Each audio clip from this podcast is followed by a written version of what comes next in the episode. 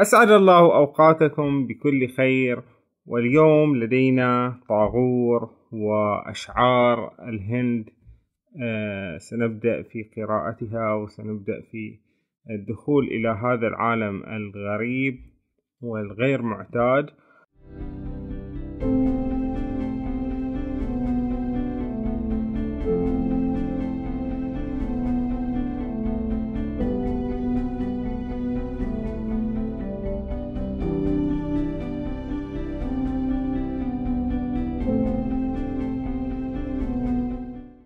وطاغور ينتمي إلى الديانة الهندوسية. آه، ونعرف ما في الديانة الهندوسية من اختلافات كبرى مع آه، ديانتنا الإسلامية. آه، فلا شك أن أشعار طاغور ربما يكون بعضها غير منسجما مع عقيدتنا الإسلامية وغير منسجم مع آه، طريقتنا في الحياة ولكن نحاول دائما في قراءة الكتب وقراءة الإرث العالمي. أولا أن نتفهم أو أو أن نفهم ذلك التراث العالمي كيف تفكر الشعوب كيف يفكر هؤلاء الشعراء والمفكرون. آه، في كل آه، ثقافة من الثقافات وفي كل شعب من الشعوب. أولا أن نفهم وثانيا أن نلتقط الحكم التي تناسبنا التي آه، تكون مناسبة لنا التي لا تضر بعقيدتنا الإسلامية والتي تدفعنا نحو الأمام آه، بأفكار إيجابية بأفكار جيدة آه، تصلح للمجتمع وتنمي المجتمع. فإذا لنبدأ في قراءة هذا آه، الديوان أو أو مجموع الدواوين للشاعر الهندي طاغور. وجدير بالذكر أن نقول أن طاغور حصل على نوبل للآداب وكانت له مناقشات ومحادثات مع العالم المشهور ألبرت أينشتاين. هذا الكتاب استعرته من آه، مكتبة مدينة عيسى. مائة عام تمضي على مولد الشاعر الهندي راباندران طاغور طبعا الكتاب يبدو قديما جدا. في الثانية والعشرين من عمر طاغور انتقت له أسرته زوجا فتاة صغيرة لا تتجاوز سنها الثانية عشرة هي ديفي. فاستجاب طاغور لرغبة الأسرة فقد كانت التقاليد في الهند تقصر الفتاة والفتى على الانصياع لإرادة الأسرة في اختيار رفيق الحياة. وقد انتقد طاغور فيما بعد هذه العادة البالية انتقادا عنيفا في مقالاته وقصصه وفي رواية حطام السفينة بوجه خاص. خلنا نشوف شنو كانت حياة آه، طاغور اللي خلته يكتب هذه الأشعار. آه، هنا نرى لمحة من حياة طاغور إن حياته الزوجية كانت رغيدة فقد محضته زوجه المحبة الصادقة وتذوقا معا أفاويق السعادة. وقال في قصيدته لقد هلت الفرحة مسرعة من جميع أطراف الكون لتسوي جسمي. ورزق طاغور ثلاثة أطفال. أفعموا قلبه غبطة وبهجة. بيد أن سعادته لم تدم طويلا. فإن كارثة عتية لم تلبث أن دهمته فقد ماتت زوجه وهي بعد في ميعة الصبا. ولحق بها ابنه وابنته وأبوه. في فترات متتابعة متقاربة. وخلفت هذه المصائب في نفسه جرحا رغيبا وكادت تهده وتفضي به إلى اليأس. لولا إيمانه بأن الموت هو صفحة تطوى لتفتح صفحة خالدة أنظر وأحلى. وعلى حافة سرير ابنه المريض نظم طاغور ديوانه الهلال مفتلذا من قلبه الحزين المعنى قصائده الساذجة المؤسية. يقول طاغور إن عاصفة الموت التي اجتاحت داري فسلبتني زوجي واختطفت زهرة أولادي أضحت لي نعمة ورحمة فقد أشعرتني بنقصي وحفزتني على نشدان الكمال وألهمتني أن العالم لا يفتقد ما يضيع منه. بيد أن حزنه الذي استبد بقلبه تسلل إلى شعره فطبعه بطابع الأسى وانسابت إلى جانب قصائده السابقة المفوفة بحب الحياة قصائد شفافة بحزن دفين. ضمها إلى ديوانه الرائع جيتنجاري يقول عنها الكاتب الفرنسي أندري جيد ليس في الشعر العالمي كله ما يدانيها عمقا وروعة أصغي إلى طاغور يقول إيه أيها الموت يا منتهى حياتي الأسمى تعال واهمس في أذني. يوما بعد يوم سهرت في انتظارك من أجلك تذوقت هناءة الحياة وعانيت عذابها. إن الكفن المنسدل فوقي هو كفن التراب والموت وإنني لأكرهه ولكنني أشده وأجذبه في شغف ووجد. نلاحظ أن المعاناة اللي عاناها طاغور في فقد زوجته وابنيه جعلته يكتب هذا الشعر العميق. دائما آه، نفتش في كل إنسان سواء كان مبدع أو حتى غير مبدع ما, هو ما هي المعاناة التي صاغتها ولذلك في المعاناة آه، يجب أن لا ننظر لها دائما من منظور أنها شيء سلبي بل إنها هي آه، ما يعطي للإنسان العمق والمعنى وهذه الشخصية القوية الحكيمة. هذه بعض المختارات الشعرية.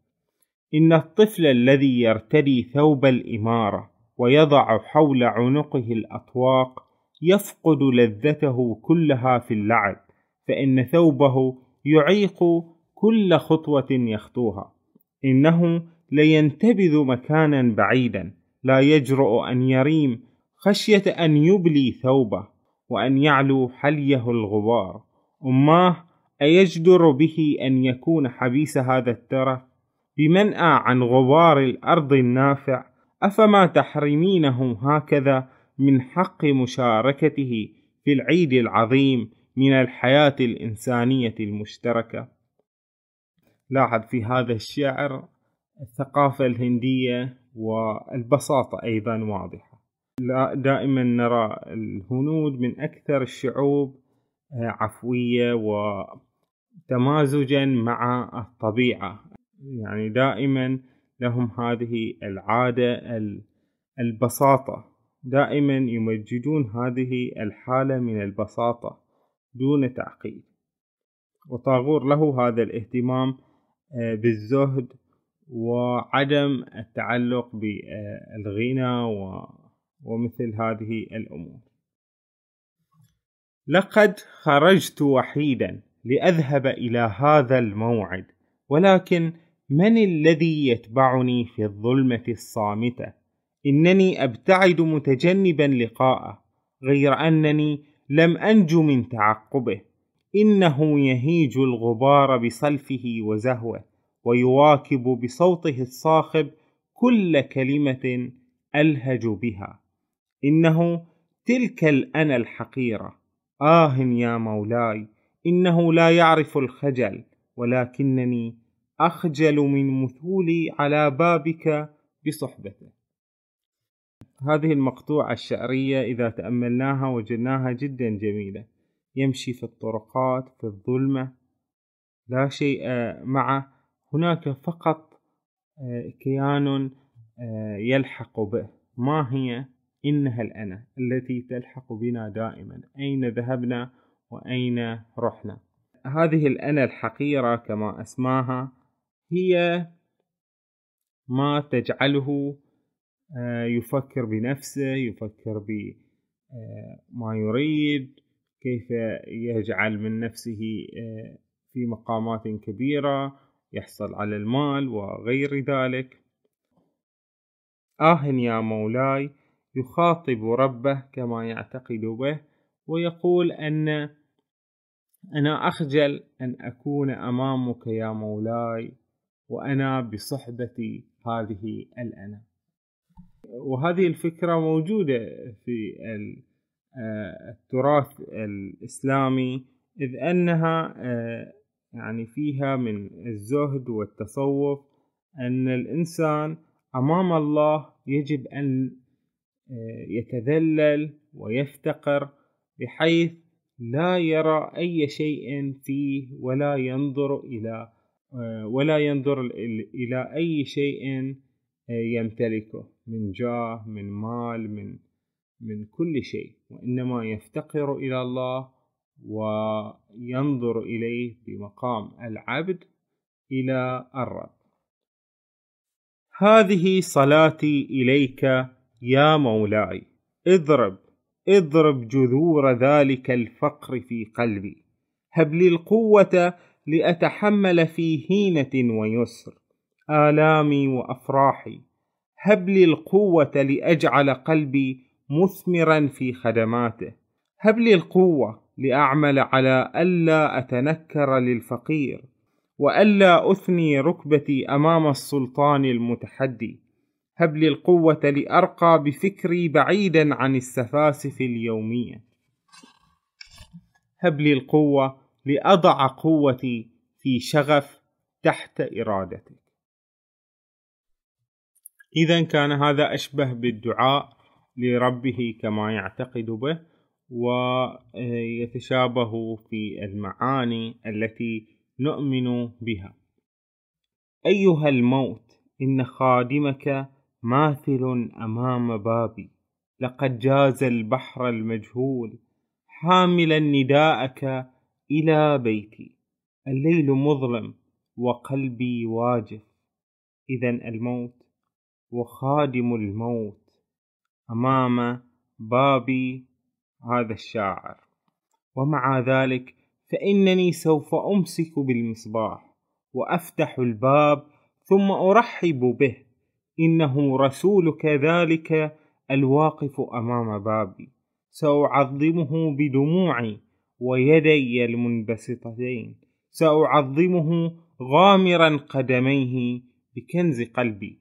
وسيؤوب برسالته التائهة سافحا ظلا قاتما على فجري وفي بيت المنعزل لن يبقى سوى نفسي اليائسة أقدمها كأسمى هبة إليك.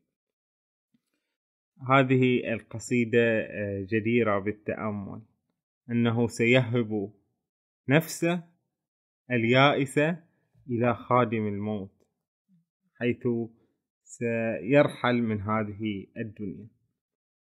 وكلنا راحل ولنرى هذه القصيدة التالية. كانت حياتي في عفرة صباها شبيهة بالزهرة التي يتهاوى من تويجها ورقة أو ورقتان. ولا تشعر بخسارها البتة.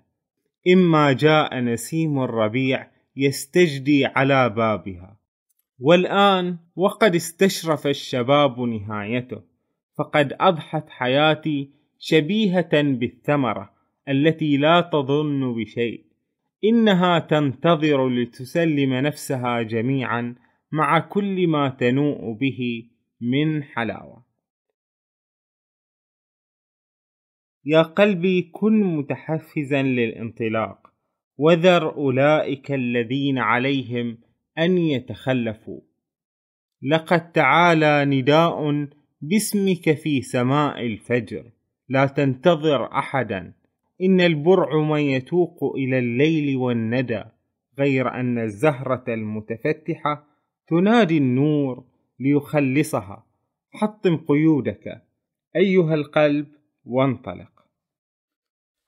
أنا تكن الدروب معبدة أضل طريقي. في المياه الممتدة وفي زرقة السماء لا يوجد أثر مرسوم يقتفى الممر مظلل بأجنحة الطيور بجذى النجوم بأزاهير المواسم المتعاقبة وإنني لأسائل قلبي عما إذا كانت دماؤه تستبين معالم الدرب الخفية. أي أن هناك طريقا هو ليس الطريق المعبد ليس الطريق الرسمي الذي آه، يعرفه كل الناس. هناك طريق هناك بين الطبيعة خفي درب خفي آه، والقلب هو الذي يرشدك إلى معالم ذلك الطريق. كان نهر الجومنا يسيل صافيا متدفقا في الوادي تهصره ضفافه الناتئة. وكانت الربى الظليلة بالأشجار الملأى بأخاديد السيول تتدور حواليه.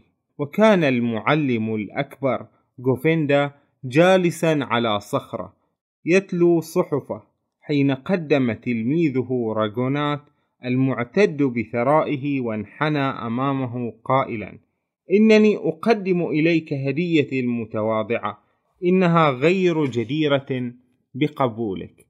ولما استوفى كلامه وضع أمام المعلم زوجي أساور مذهبة مرصعين بأحجار كريمة وتناول المعلم سوارا وأداره حول إصبعه فنفضت الجواهر أنوارها البراقة وعلى حين غرة أملس السوار من يده ثم تدحرج ووقع في النهر وصح رجونات وأسفاه ثم قفز إلى عباب الماء وأرخى المعلم ناظريه إلى كتابه وحفظ الماء ما كان قد حازه وتابع جريه.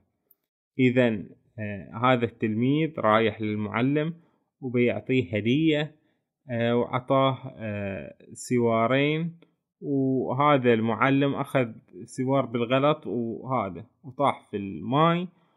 فهذا الطالب خايف على هذه الجواهر بينما المعلم مو متأسف على هذا اللي ضاع وكان النهار يجنح إلى الزوال حين عاد رجونات متعبا مبللا إلى أستاذه وقال له وهو يلهث قد أستطيع مع ذلك العثور عليه. إن أشرت إلى المكان الذي وقع فيه. وحينئذ رفع المعلم السوار الآخر ورمى به إلى النهر قائلا إنه هناك. يعني حتى إن المعلم رمى الثاني عشان شنو؟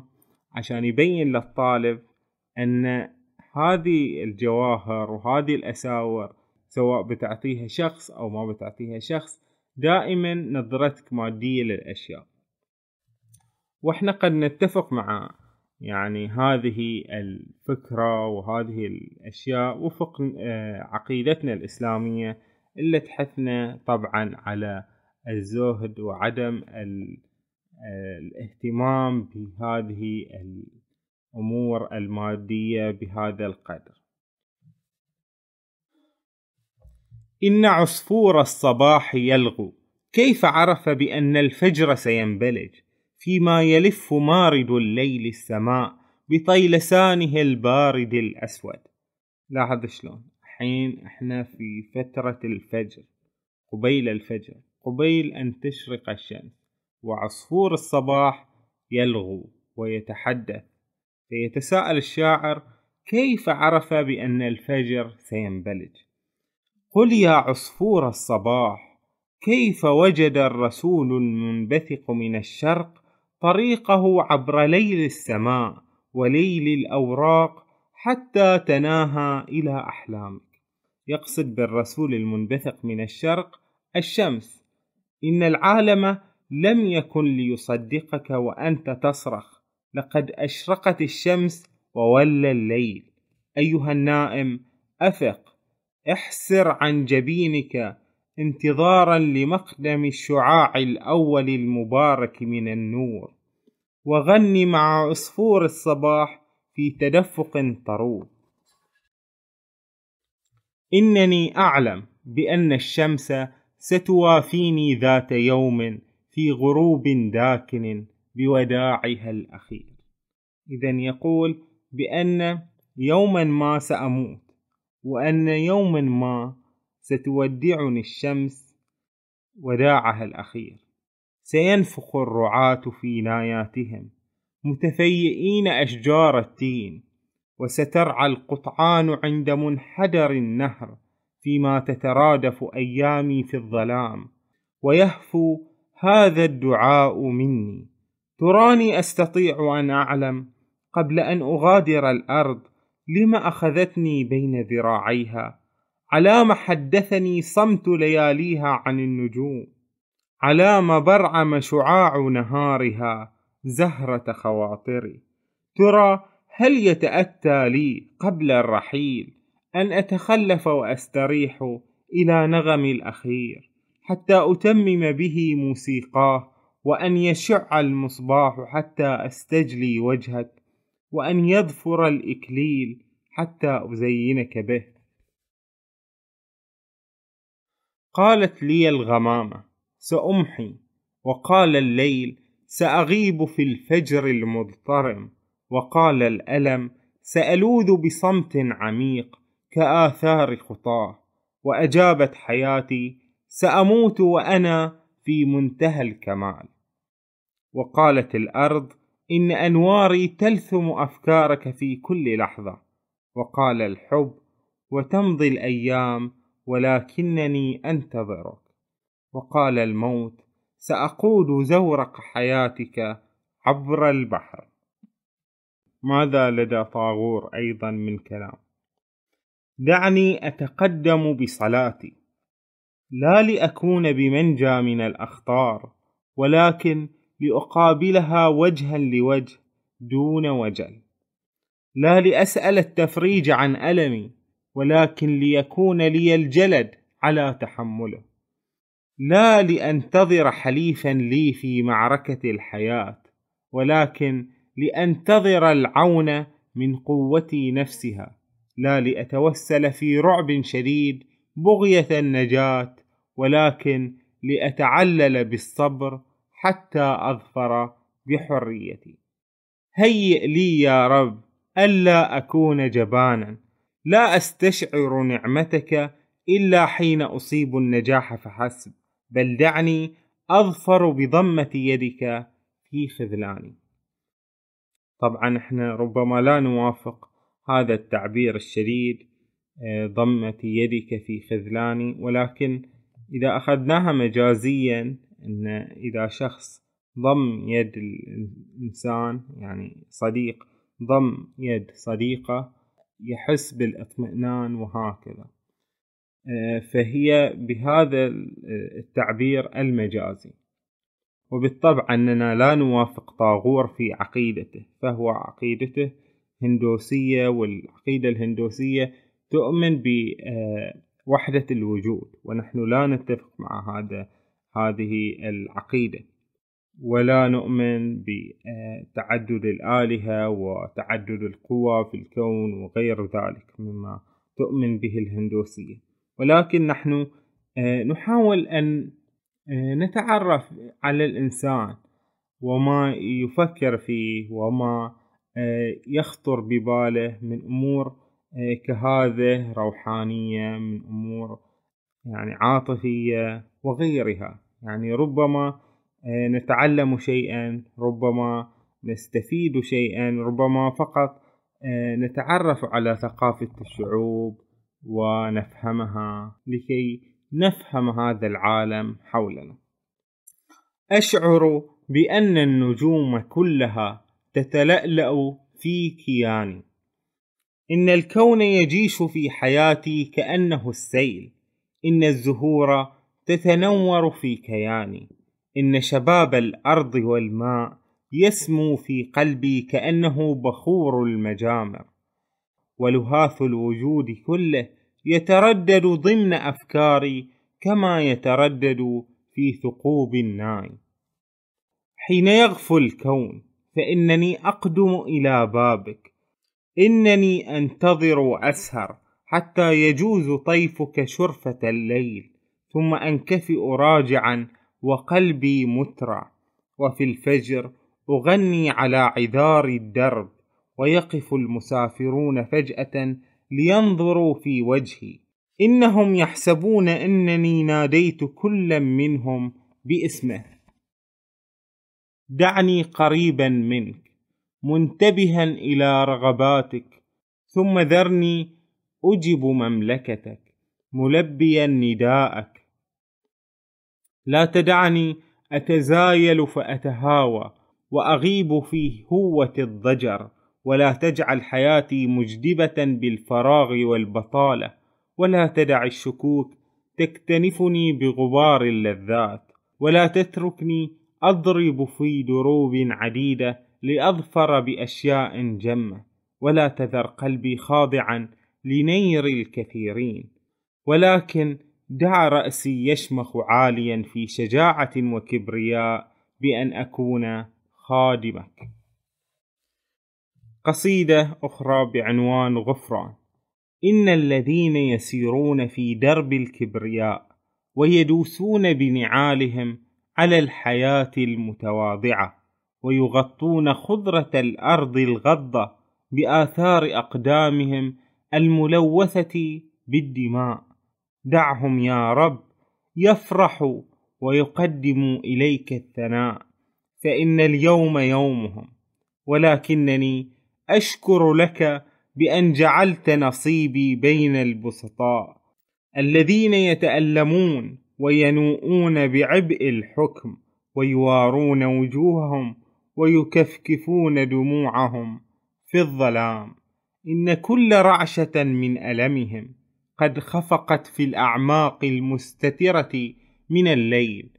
إن الغد هو لهؤلاء آه أيتها الشمس أشرقي في القلوب الدامية التي تتفتح زهرا في الصباح ولتنقلب شعلات الكبرياء الزاهية إلى رماد. نلاحظ أنه يصور الظالمين الذين يسفكون الدماء وغيرهم الذين يمتلكون الأرض آه، تصويرا فيه رحمة يتسامح مع أخطائهم بشكل أن يعني فكرته أن هؤلاء المخطئون زلوا لأنهم جهلاء وأنهم انحرفوا عن الطريق الصحيح. ولكن يقول أن أن الشكر لك يا رب لأنك جعلتني بين البسطاء الذين ينوؤون بعبء الحكم ويوارون وجوههم ويكفكفون دموعهم في الظلام. هؤلاء البسطاء الذين يتألمون. وهكذا. إن كل رعشة من ألمهم قد خفقت في الأعماق المستترة من الليل. تصوير جميل من هذا الشاعر. لمن طفأ المصباح؟ لقد أحطته بمعطفي ليكون بمنجى من الريح ولهذا فقد انطفأ المصباح. الحين هناك أسئلة. ليش ينطفأ هذا السراج وهذه الشمعة وغيرها؟ لأنه أحاط بمعطفه ولذلك انطفأ. لماذا ذوت الزهرة؟ لقد شددتها إلى قلبي في شغف قلق ولهذا فقد ذوت الزهرة. الزهرة التي كانت يانعة ونضرة لأنه شدها يعني بهذه القسوة فإنه آه، جعلها تذوي. لم نضب النهر؟ لقد وضعت سدا في مجراه لأفيد منه وحدي ولهذا فقد نضب النهر لأن هذا النهر أضع فيه سد عشان فقط أنا أستفيد منه. ما تستفيد منه الشعوب الأخرى. ولهذا نضب النهر. لمن قطع وتر المعزف؟ لقد حاولت أن أضرب عليه نغما أعلى مما تطيقه قدرته ولهذا فقد انقطع وتر المعزف. ماذا تقول لنا هذه القصيدة؟ أن المبالغة والقسوة وهذه الطريقة اللاهثة وراء الأشياء والتي لا تعامل الطبيعة والوجود آه، برفق وبإنسانية وبطريقة يعني بسيطة. يعني المفروض تعيش في الحياة عيشة بسيطة وليست عيشة آه، فقط آه، جشعة. يعني كل شيء تريده بأكثر الأشياء الملايين الملايير كل كل شيء آه، الحب حين يكون حبا تملكيا. وكذلك النهر هي مثال لأي موارد في هذا الكوكب أن لا نبذرها وأن يعني نتشارك مع يعني سواء في داخل الوطن الواحد أو مع الأوطان أن لا نكون بهذا الجشع آه، في المستوى الحكومي في المستوى الشعبي وغيرها. أيه أيتها الدنيا؟ لقد قطفت وردتك وضممتها إلى قلبي فوخزتني شوكتها. ولما جنح النهار إلى الزوال وامتدت العتمة ألفيت الوردة ذاوية بيد أن ألم وخزتها ظل باقيا. إيه أيتها الدنيا؟ سوف يوافيك الورد بشذاه وعنفوانه ولكن أوان قطف الورد الذي كنت أتحينه قد فاتني وفي الليل الحالك لم أعد أظفر بوردة فيما عدا ألم وخزتها الباقي. هذه هي الدنيا. تقطف من هذه الدنيا الملذات العابرة. وبعد ذلك حينما يمضي بك آه، العمر تكتشف أن كل هذه الملذات ذهبت. المال الشهرة الملذات وغيرها تذهب. ولا يبقى منها إلا وخز تلك الشوكة في تلك الزهرة. لنستمع إلى هذه القصيدة. أذكر أنني دفعت ذات يوم من أيام الطفولة بزورق ورقي في الجدول. وضع هذا القارب اللي نسويه من ورق وضعه في الجدول. كان يوما نديا من شهر تموز وكنت وحيدا سعيدا بلعبتي. لقد دفعت بزورق الورقي في الجدول وعلى حين غرة تجمع ركام السحب الداكنة وهبت الرياح النكباء وأسبل المطر غدقا مدرارا. نلاحظ دائما المطر حاضر لدى الشاعر الهندي طاغور باعتبار أن الهند تسقط فيها الأمطار طوال الصيف وتسقط بغزارة هائلة. وانقضت سيول من الماء الوحل على الجدول فغمرته وأغرقت زورقي. ومثل في خاطري ومرارة الأسى في نفسي أن العاصفة قد تعمدت أن تهب لتكدر صفو فرحتي وأن إساءتها موجهة إلي.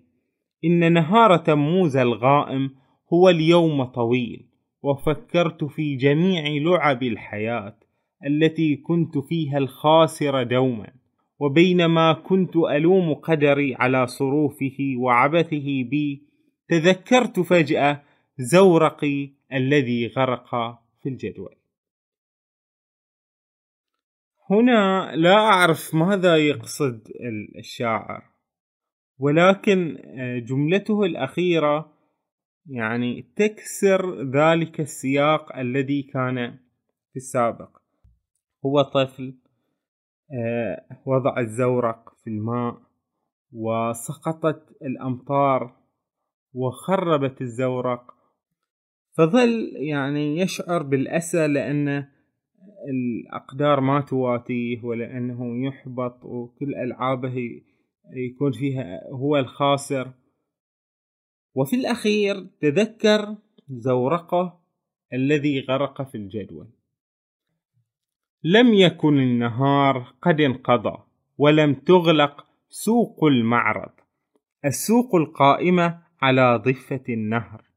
كنت أخشى أن يكون وقتي قد تبدد وأن يكون آخر درهم عندي قد فقد. لا يا أخي لقد تبقى شيء لدي. فإن قدري لم يختلس مني كل شيء.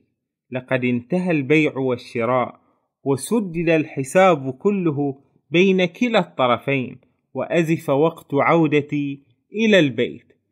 ولكن تراك تطالب حقا بضريبتك أيها الحارس. لا تخف لقد تبقى شيء لدي. فإن قدري لم يختلس مني كل شيء. عن شنو تتكلم القصيدة؟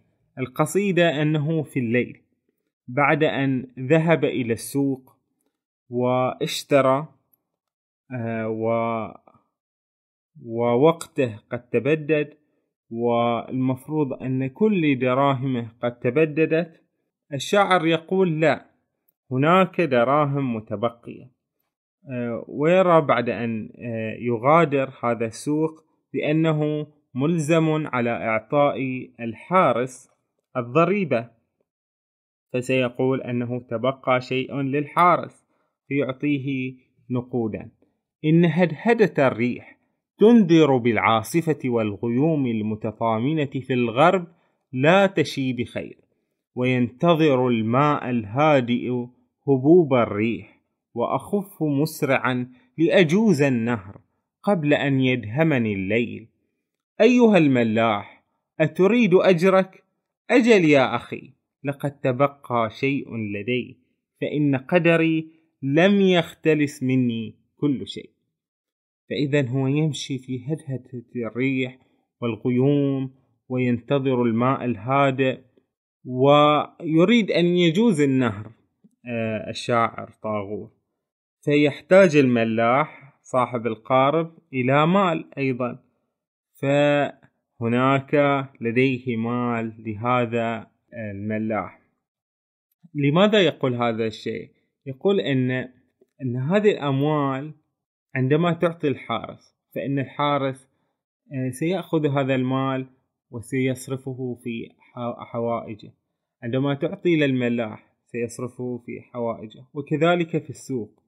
وهذه النظرة للمال أنه ليس لي فقط وإنما للجميع أو بتوزيع. وإن كان توزيعا قليلا تعطي مبالغ قليلة لكل شخص. لقاء خدمتهم ليس فقط تكرما منك فإن هذا الشيء يثري حياتهم يعطيهم قوت يومهم أو, أو شيء من هذا القبيل. ولا تعرف أين البركة تحط. على حيد الطريق اتخذ الشحاذ مجلسه تحت الشجرة وأسفاه. إنه يرامق وجهي بأمل خجول. إنه يحسب أنني غني من أرباح النهار. أجل يا أخي لقد تبقى شيء لدي. فإن قدري لم يختلس مني كل شيء.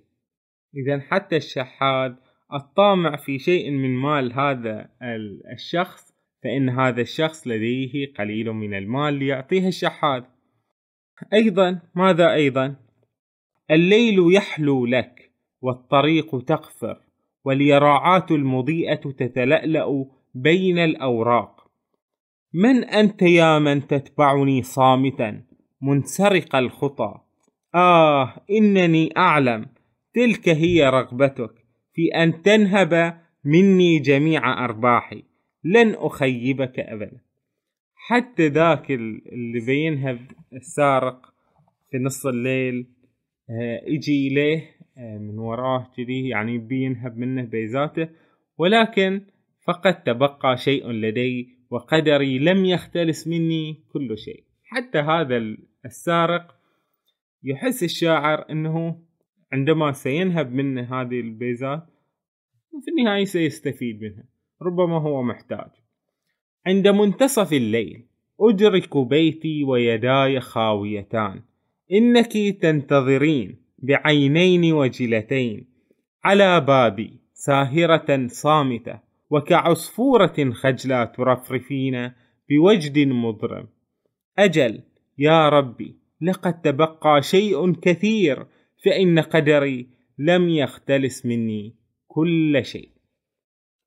عندما يرجع إلى بيته أيضا هناك مزيد من النقود ليقدمها لأهل بيته. في محفل الكون يقف العود الصغير من العشب على صعيد واحد من أشعة الشمس ونجوم منتصف الليل. ولهذا فإن أغنياتي تلتمس أمكنتها في قلب الكون مع موسيقى الغيوم والغابات. ولكن ثروتك أيها الرجل الغني ليس لها نصيب في العظمة البسيطة المترقرقة من ذهب الشمس الجذلة ولا في الأشعة الطرية المنثالة من القمر المفكر. إن بركة السماء التي تعانق كل شيء لا تضلل ثروتك هذه وحين يدركك الموت فإنها تشحب وتذوي وتتفتت في التراب. يقول الشاعر أن هذا الكون في له آه، إيقاع بسيط هادئ العود الصغير أشعة الشمس النجوم أغنيات الشاعر.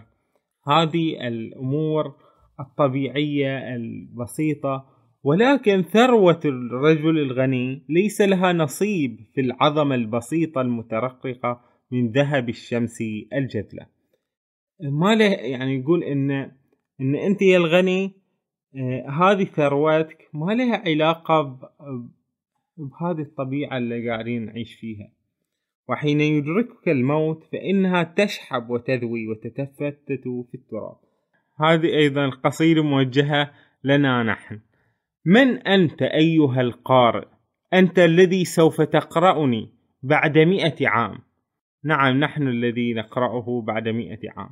ليس في مكنتي أن أبعث إليك بزهرة واحدة من هذا الإكليل الربيعي ولا بشعاع مذهب واحد من تلك السحب. افتح الأبواب وتأمل في المدى القصير. واجن من حديقتك الزاهرة الذكريات العاطرة الفاغمة من الزهر المصوح منذ مئة عام فقد يكون في ميسورك أن تشعر والسرور يملأ عطفيك بالفرحة الحية التي تغنت. ذات صباح ربيعي مريقة صوتها الهنيء عبر مئة عام. يعني هذا المنظر الطبيعي اللي قبل مئة عام يبي ينقله لنا. بشكل من الأشكال. فشنو نصيحته؟ لنا أن افتح الأبواب وتأمل. واجنو من حديقتك. الذكريات العاطرة الفاغمة من الزهر المصوح منذ مئة عام. أي أن انظر إلى هذه الأوراق اللي عندك النباتات هذه الرياح السماء كل هذه الأشياء. تخيل كيف أن الزمن مضى عليها. تخيل كيف أنها موجودة منذ مئة عام وتحولت.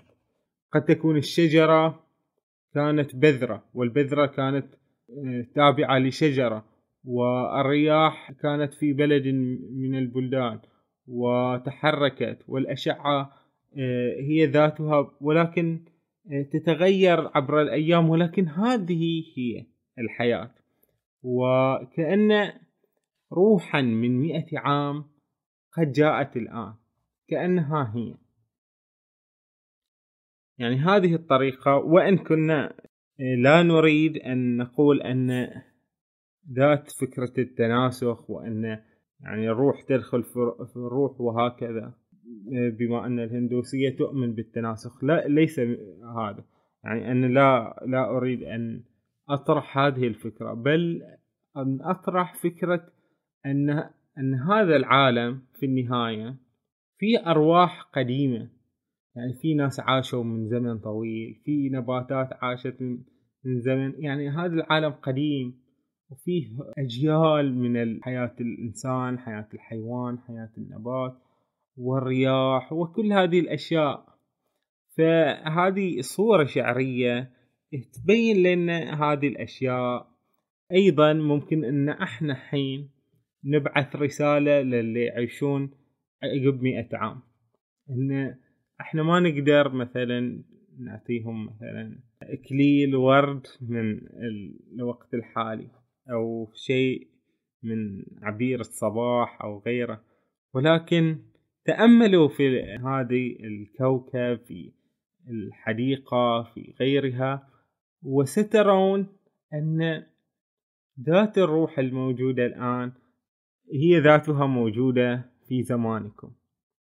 وإن إحنا يعني سنذهب وسنغادر هذه الدنيا ولكن يعني البركة فيكم. هذا آه، ديوان الهلال اللي كتبه بعد ما فقد أسرته بالأمراض وغيره. البيت. سلكت وحدي الدرب الممتدة في الحقل فيما كانت الشمس الآفلة تبدو كبخيل وهي تلملم آخر أشعتها الذهبية.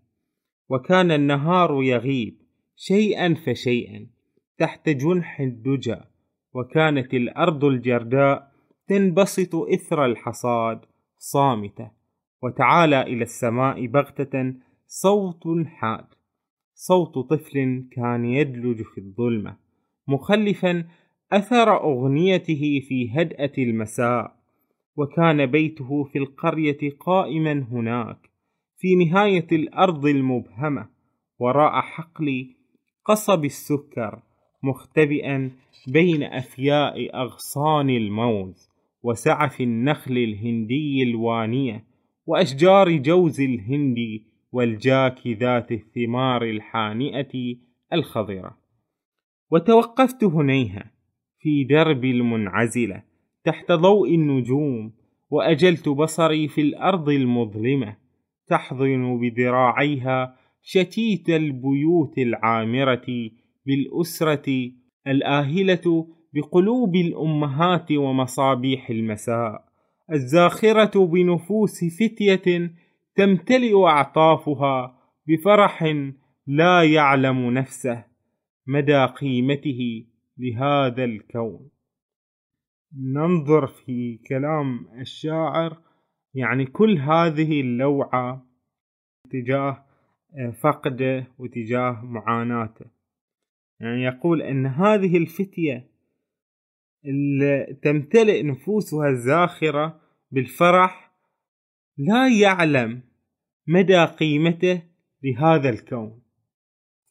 فنقف عند هذا الحد آه، من كتاب روائع طاغور من أشعار طاغور وكما قلنا ونؤكد أن هذا الشاعر شاعر هندي هندوسي ونحن بالطبع نختلف معه في آه، في اعتقاده في حتى في شعره يعني بشكل عام باعتبار أنه آه، من بيئة مختلفة من دين مختلف من أفكار مختلفة. ولكن الحكيم هو من آه، يجد الحكمة عند الجميع ويستفيد منها ويتفاعل مع هذا الكون ومع آه، كل يعني الاتجاهات والأفكار والفلسفات في آه، عالمنا هذا.